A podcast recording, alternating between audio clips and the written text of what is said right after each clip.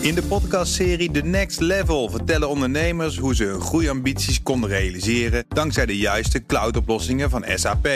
Wat waren de uitdagingen, de oplossingen en hoe ging de uiteindelijke implementatie? Benieuwd naar hun verhalen en hoe zij met behulp van SAP ook hun toekomstige ambities kunnen behalen? Luister de podcast The Next Level via de BNR-app of je favoriete podcast-app.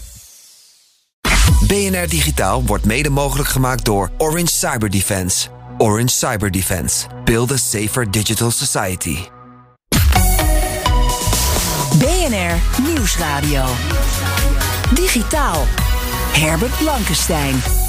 Welkom bij BNR Digitaal. Android-gebruikers kunnen hoog of laag springen. Ze worden toch op allerlei manieren gevolgd. Googles besturingssysteem stuurt zowel naar Google zelf als naar externe fabrikanten allerlei informatie door. Blijkt uit nieuw onderzoek. Maar mag dat eigenlijk wel? En hoe kunnen we daar dan toch aan ontkomen? Straks gaan we daarop in. Nu eerst GitLab. Niet te verwarren met het bekendere GitHub. Leggen we zo uit. GitLab is een softwareontwikkelingsplatform dat na een beursgang in New York maar liefst 10 miljard euro waard is.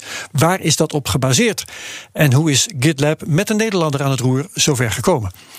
Alle reden om erover te praten met onafhankelijk tech-publicist en ook expert op het gebied van open source. Bert Hubert is nu bij ons, weliswaar op afstand. Welkom Bert. Um, wat doet GitLab eigenlijk? Wat zijn de diensten die ze leveren? Ja, nou GitLab en GitHub doen uh, grotendeels hetzelfde. Zij stellen programmeurs wereldwijd in staat om samen te werken aan computerprogramma's.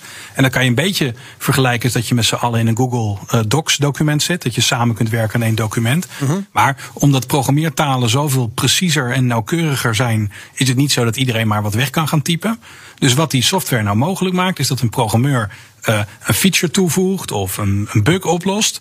En die dan uh, overdraagt aan zo'n systeem en zegt, nou, dit is mijn nieuwe feature.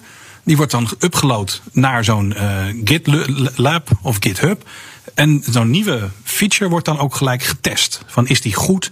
Werkt die? Crasht de software nu niet? Heb je het probleem wel daadwerkelijk opgelost?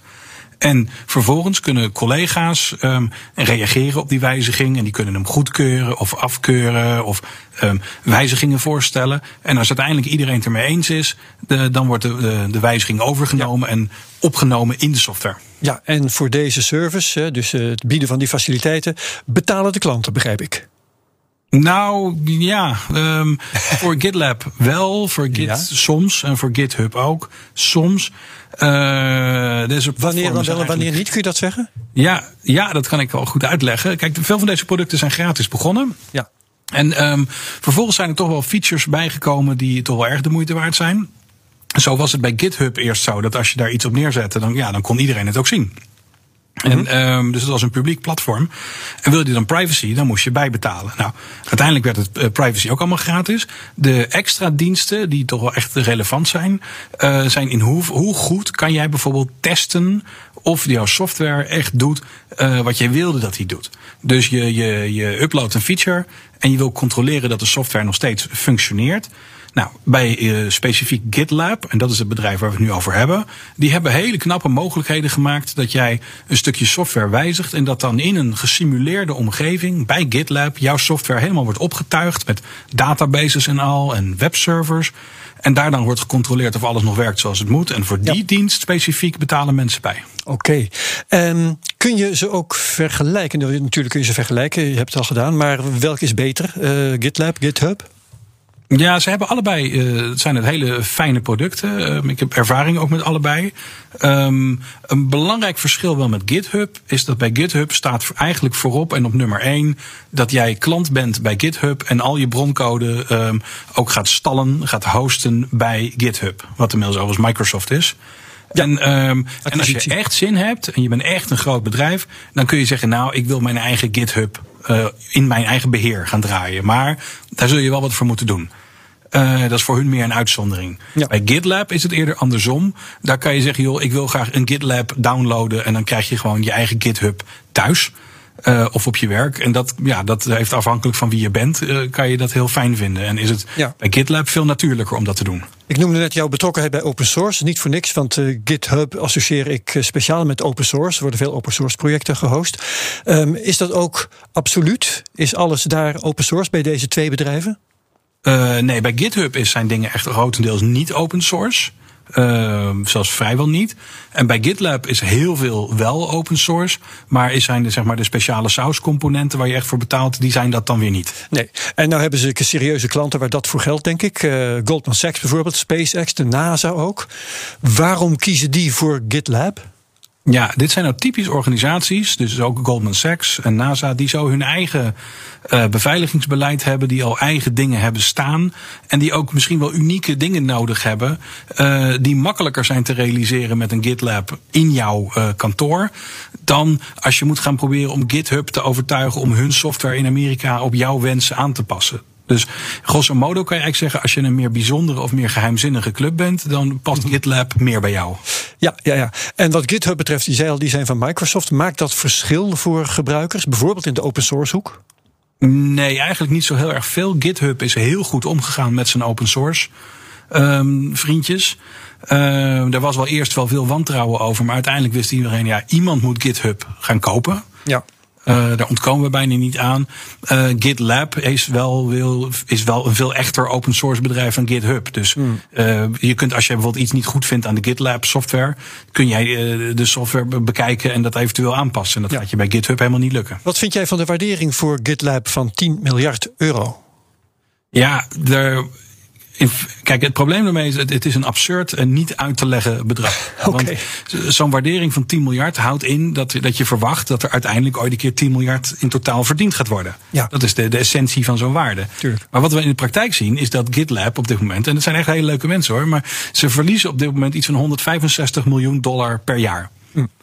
En het is ook niet evident hoe dat in één keer uh, de beter gaat worden. Dus aan de ene kant, ik vind het een absurd bedrag. Maar als je het vergelijkt met veel andere bedrijven, ja, die hebben ook zo'n absurde ja. waardering. Dus het is een beetje de vraag van, ben ik nou gek of zijn jullie allemaal gek? Oké, okay, dat zal de tijd leren. Uh, intussen staat er dus een Nederlander aan het hoofd, Sietse Sibrandi.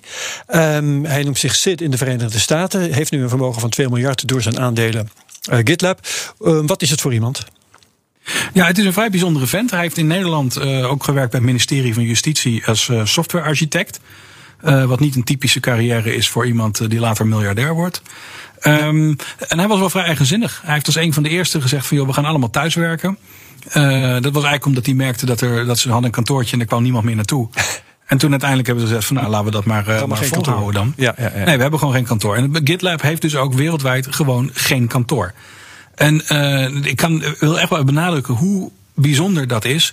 Want kijk, stel je voor, ik wil de beste databasebeheerder in dienst nemen. Hoe groot is nou de kans dat de beste databasebeheerder binnen een half uurtje rijden van mijn kantoor woont? Uh, als je daarentegen zegt van joh, ik stel mezelf in staat om over de hele wereld mensen in dienst te nemen. En ik heb echt geen kantoor, zodat we dus ook geen tweede, rang, tweede rangs medewerkers krijgen die ja. op een soort achterstand staan omdat ze in uh, Nairobi wonen. Um, nou ja, dat heeft hij aan het begin gedaan. Dat beviel goed. Toen begonnen allemaal te zeggen: joh, je wordt nu een groter bedrijf, je moet nu normaler worden en jullie moeten gewoon op kantoor gaan zitten. En toen heeft hij toch gezegd: nee, dat gaan we niet doen. Ja, maar hoe bereken, stel dat je je medewerkers voor gelijke functies gelijk wilt belonen. Dat wordt dan wel heel moeilijk als ze in landen met verschillende levensstandaarden zitten, bijvoorbeeld. Ja, en daar zie je ook weer hoe bijzonder GitLab als bedrijf is. Ze hebben op hun website een prachtige calculator staan. Waarmee uh, iedereen, maar ook, dus ook GitLab-medewerkers, maar ook potentiële GitLab-medewerkers zelf kunnen zien van joh, hoe zou mijn salaris berekend worden? Um, zij zijn erbij uitgegaan dat zij, waar jij ook woont ter wereld, ze jou een salaris willen bieden waar je in die regio trots op kan zijn. Dat is hun, hun maatstaf. En, uh, en dat is nog niet zozeer dat ze dat aan koopkracht relateren. Dus ze gaan niet zo zeggen van joh, uh, een gemiddeld winkelwagenmandje kost uh, in, in Bogota zoveel. Dus ja. we gaan jou 75 winkelwagenmandjes betalen. Uh, dat hebben ze niet gedaan. Zij kijken, zeggen ze zelf. En daar maken ze wel hele studies van. Van joh, wat krijgt een topprogrammeur nou betaald in, in Bolivia? En daar doen we dan nog een keer 20% bovenop. Uh, wat alleen niet heel duidelijk staat vermeld op die pagina, is wat er nou gebeurt als jij uh, een vorstelijk salaris hebt gekregen omdat je in San Francisco woont. En vervolgens zegt van nou, ik ga weer lekker in Nederland wonen. Ja. En ik zou graag die uh, half miljoen dollar per jaar wel mee willen nemen. We laten het hierbij wat GitLab betreft. Dankjewel Bert Hubert, maar blijf erbij voor het volgende onderwerp. Digitaal. Dat gaat namelijk over Android-telefoons. En wie die gebruikt, ja, daar lijkt echt geen ontkomen aan. De fabrikant van je toestel en ook die van het besturingssysteem, Google dus, kunnen in allerlei opzichten precies zien wat je doet. Ook als je hebt aangegeven dat je dat niet wilt. Dat is een zorgwekkende conclusie van onderzoekers van het Trinity College in Dublin en de University of Edinburgh. Ze testen de dataverzameling en de datadeling bij zes Android-varianten, die van Samsung, Xiaomi, Huawei en Realme. En bovendien van Lineage OS en EOS. Wat moeten we daarmee? Nou, met Bert Hubert bespreken we dat, maar ook met Menno Wij, techjurist bij BDO Legal. Menno, intussen ook welkom. Ja, dankjewel. Dag Herbert. En ik spreek eerst Bert even aan, want we weten dat Google draait op het verkopen van data. Um, dat is dus echt onontkoombaar als je Android gebruikt. Blijkt nu maar eens te meer. Ja, het is het uh, onderzoek wat nu is gedaan. We zijn vrij sceptisch geweest, of vrij minimalistisch.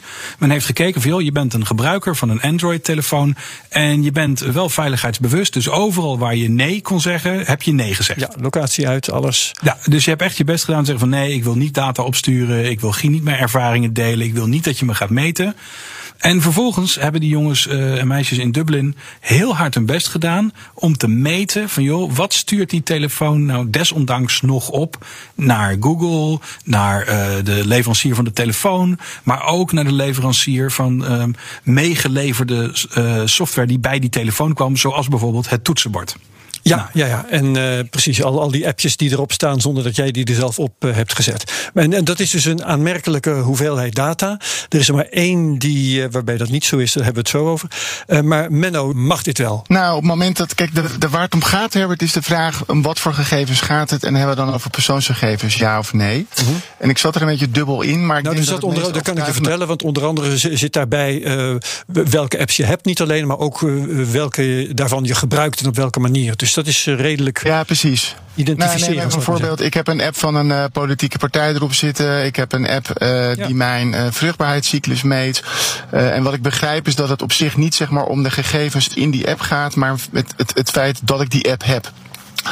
Uh, en het is aan je telefoon gekoppeld. En daar zit de crux. Dus op het moment dat het aan je telefoon zit, dat is een apparaat met een uniek nummer. Uh, en dan praat je dus over indirecte herleidbaarheid. Dus indirect zou je kunnen komen tot Herbert of tot Menno. Uh, en daarmee uh, verwordt het een persoonsgegeven. Ja, dan is de conclusie dat op het moment, en dat begreep ik net ook, dat ik zet op alles zet ik uit. Ik wil niet dat je daar iets mee doet. En als het dan toch wel gebeurt, ja, dan is dat natuurlijk problematisch. Want dat kan natuurlijk eigenlijk niet. Ja, en dan komt het bovendien voor bij sommige van, van deze partijen dat de data Europa verlaat. Xiaomi stuurt ze naar Singapore, Samsung naar service in de Verenigde Staten. Maakt dat nog uit voor het hele verhaal? Jazeker, want dat is eigenlijk een soort. Uh, nee, dan zitten ze dubbel fout. Hè. Dus het begint al met uh, verwerk je persoonsgegevens uh, en iemand zegt ik wil dat niet. dan zal je dus moeten kijken, dat vergeet ik net te zeggen, zou je dan op een andere grondslag, hè, een ander doel kunnen leunen. Nou, dan zou de enig mogelijke optie gerechtvaardigd belang zijn. Maar ik denk dat dat een heel lastig verhaal wordt. al is het maar omdat in Nederland de toezichthouder zegt dat kan, hè, dat komt in dit soort situaties waar je er eigenlijk nooit op leunen. Nou, dan is stap 2 om jouw vraag te beantwoorden. Die gegevens gaan ook eens een keer buiten Europa. Sorry, ik heb een beetje achtergrondgeluid. Ja, voor een boerenkar uh, voorbij mag niet zomaar. Pardon, wat zeg je Herbert? Ik zeg of er een boerenkar voorbij komt. Maar ga vooral door met je vraag. Ja, dat klopt. Uh, ja. Pardon, ik zit ook op afstand zoals je weet. Ja. Um, maar dan is dus de vraag, hè, gaan die gegevens ook nog eens een keer buiten Europa? Dat mag ook niet zomaar. Um, en dat ligt zeg maar extra gevoelig sinds een jaar geleden er een uitspraak is geweest uh, van het Europees Hof van Justitie, de zogenaamde SREMS 2-uitspraak. Die als het ware extra drempels opwerkt uh, aan die doorgifte, want zo noemen we dat dan in privacyland. Ja. Um, dus ja, dat ligt allemaal extreem gevoelig. Dus de conclusie is eigenlijk dat het, dat het dus niet mag. Nee, allemaal niet in de haak. Uh, zelf uh, gebruik ik een, een verfoor met daarop dat besturingssysteem dat slash e slash heet. Zo schrijf je dat. Ik noem het gemakshalve ja. even e. Um, staat niet standaard op die verfoon, maar je kunt het, het ding er wel mee krijgen. volgens het onderzoek wordt daarmee nagenoeg geen data verstuurd. Dus de enige die helemaal schoon is, Bert Hubert, intussen via de telefoon hier aan de lijn. Um, klopt dat met wat jij weet van dat besturingssysteem? Ja, ja, dat klopt ook. En, en het meest relevante daarbij is dat daarmee dus is aangetoond dat je dus een Android uh, afgeleid besturingssysteem kunt hebben. Wat niet karrevrachten aan data uh, ja. naar, naar Google en andere leveranciers stuurt. Dus het is het argument van ja, we moeten wel, want anders kunnen we geen werkende telefoon maken. Uh, is daarmee goed onderuit gehaald. Ja, en is ja. het uh, redelijk en logisch dat Apple in dit hele onderzoek niet voorkomt? Want zijn diesel brandschoon? Nee, dat, dat zijn ze zeker niet. Ehm, maar ik wil even aangeven waarom deze mensen niet alles hebben kunnen onderzoeken. Ehm, het is tegenwoordig zo dat als je aan een telefoon wil vragen van joh, wat voor informatie ben jij over mij aan het opsturen naar, jou, naar jouw baas, dan blijkt dat die telefoon daar niet aan meewerkt. Ja. Ehm, dus de, de, de onderzoekers hebben de telefoons uh, grootschalig moeten hacken en moeten reverse engineeren. En die ontdekten dat veel van de informatie die dus over jou wordt opgestuurd naar Singapore, waar dan ook, niet eenmaal, maar tweemaal encrypted is. Oké, dus uh, als, als ik dat even mag interpreteren, um, het, um, de, de regelgeving wordt actief uh, tegengewerkt en ontdoken in hoe zo'n telefoon in elkaar zit. Ja, het, het is ontzettend moeilijk. Dit zijn echt hele professionals geweest en die hebben een enorm knappe stunts uit moeten halen om te ontdekken wat er überhaupt gebeurde. Nou, dat hebben ze voor zes type telefoons gedaan. Ik denk dat ze het ongetwijfeld ook nog een keer voor Apple zouden willen doen. Ja. Uh, maar dit was al een, een prestatie van formaat uh, ja. om dit voor elkaar te krijgen. Nou, mooi om meteen even aan Menno wij voor te leggen. Oh, sorry, ja, ik wou net zeggen, ik vind dit dus uh, het meest kwalijk. Hè? Dus uh, dat je kunt twisten over zijn het wel of geen persoonsgegevens, heb je een reden om dat te doen, mag het wel of niet buiten Europa. Dan denk ik, nou oké, okay, maar het feit dat dus hè, uh, nou, je een telefoon tig keer moet hacken om erachter te komen, is dat het echt zeg maar in het ultra geheime gebeurt. Dat vind ik zelf het meest kwalijke. Dus uh, het gaat natuurlijk om transparantie. Kom er dan ook gewoon voor uit. Dan wordt zeggen. het interessant, Menno, om jou dat even voor te leggen. Wie hier iets uh, uh, tegen moet gaan doen en hoe. Wat voor procedures of, uh, of uh, aanklachten staan hier open? Ja, de meest voor de hand liggende is natuurlijk gewoon hè, de privacywaakhond. Uh, uitgaande nogmaals van dat het wel gaat om een uh, ontoelaatbare verwerking van persoonsgegevens. Nou is het vervelende van de Nederlandse waakhond dat ze daar ook eerlijk ronduit voor uitkomen dat ze het geld en de middelen niet hebben en letterlijk in de media verkondigen. we kunnen ons werk niet goed doen. Uh, ja. Maar dit ligt wel op hun bord. Uh, nu is het wel zo dat bijvoorbeeld Google uh, ook in Frankrijk en in andere landen wel hard wordt aangepakt. Uh, ik denk ook dat je hier nog wel wellicht iets kan met soort van oneerlijke handelspraktijken. Of wellicht dat hier mededingingsrechtelijk nog, zeg maar, nou, als dat zeg maar zou stinken om het zo maar te zeggen, dan komen er nog meer waakhonden in actie. dus ik denk dat het palet aan mogelijkheden breder ligt dan alleen de privacy waakhond. en ik denk dat het heel goed zou zijn als hiernaar wordt geluisterd. Um, en dat hierover wordt nagedacht. Ja, Bert Hubert, wat, wat vind jij dat hier zou moeten gebeuren? Nou, wat ik heel graag zou willen, want ik wil even benadrukken dat deze mensen, ondanks al hun knappe werk, niet in staat zijn geweest om te achterhalen wat Google zelf naar zichzelf stuurt. Uh, okay. Want dat bleek zo goed versleuteld te zijn dat men daar geen enkel idee van heeft, behalve dat men heeft kunnen meten dat het heel veel is. Juist. Uh, dus dat wil ik nog wel. wat nou, vragen? Natuurlijk. Bert, dit is Menno. Mag je wat, mag je wat als Herbert het goed vindt? Zeker. Zou je dat zelf dus aan Google kunnen vragen? Zou je dus als gebruiker uh, van Google kunnen zeggen: Goh, ik heb dit onderzoek gelezen, vertel me maar eens even wat er aan de hand is? Ja, nou dat hebben ze ook uh, gedaan. Dat hebben de onderzoekers ook gevraagd aan Google. Veel zouden jullie zelf misschien een beetje kunnen vertellen wat hier allemaal gebeurt? En Google heeft gezegd dat ze het op dit moment een beetje druk hebben. en, uh, maar zodra ze, zodra ze eraan toekomen, gaan ze daar documentatie over schrijven. En die vind je ook online al wel. Want veel mensen hebben dus ontdekt, die zeggen, joh, wij, wij werken in gevoelige gegevens, uh, omgevingen met veel geheime data. Dus wij willen kunnen inspecteren wat onze telefoons opsturen. En Google heeft zelf een lijstje gemaakt van ja, dat, dat lukt niet, want dat mag niet. Want uh, we hebben de volgende kanalen naar Google hebben wij besloten dat die gewoon uh, off-limits zijn. En die hebben daar keurig lijstjes van gepubliceerd. En we zeggen heel de volgende uh, communicatiekanalen met ons, helaas, die, mag je niet lezen, want anders schakelt de telefoon zichzelf uit. En, um, dus ja, je kan het wel vragen, maar ik weet nog niet helemaal of er een echt ja. productief antwoord op gaat komen. Wat kunnen wij zelf nog doen als gebruikers van uh, Android-telefoons? Kun je bepaalde functies uitzetten, de wifi of een VPN inschakelen? Nee. Wat kunnen wij? Het is historisch gezien blijkt dat Google uh, het verzoek om de wifi uit te schakelen, uh, ja, dat was optisch, zeg maar. Dus ze zijn de wifi wel blijven gebruiken om te kunnen volgen waar je bent dan. Mm -hmm. uh, het enige handelingsadvies waar je nog wat aan hebt, is je installeer alsjeblieft zo min mogelijk apps. Juist. want iedere app die je installeert blijkt toch weer een eigen ja, kanaaltje te openen waarover jou geroddeld gaat worden. Dus ja. probeer dat te beperken. En opletten welke permissies die apps vragen hè, in, in je selectieproces. Ja, weet je, ik moet eerlijk zeggen, ik heb op dit moment geen vertrouwen meer dat dat echt nog veel uitmaakt. Oké. Nou, uh, dank voor dit ontnuchterende verhaal. We zijn een illusie armer. Dank aan Bert Hubert. Dank aan Menno Wij van BDO Legal. Tot zover BNR Digitaal. Je kunt het programma terugluisteren via bnr.nl, onze app. Of wat je ook maar gebruikt om naar podcasts te luisteren. En uh, daar vind je ook mijn andere podcasts. Dat zijn de Cryptocast, De Technoloog en Space Cowboys. Wat BNR Digitaal betreft, heel graag tot volgende week. Dag. BNR Digitaal wordt mede mogelijk gemaakt door Orange Cyber Defense. Orange Cyber Defense. Build a safer digital society. In de podcastserie The Next Level vertellen ondernemers hoe ze hun groeiambities konden realiseren dankzij de juiste cloudoplossingen van SAP. Wat waren de uitdagingen, de oplossingen en hoe ging de uiteindelijke implementatie? Benieuwd naar hun verhalen en hoe zij met behulp van SAP ook hun toekomstige ambities kunnen behalen? Luister de podcast The Next Level via de BNR-app of je favoriete podcast-app.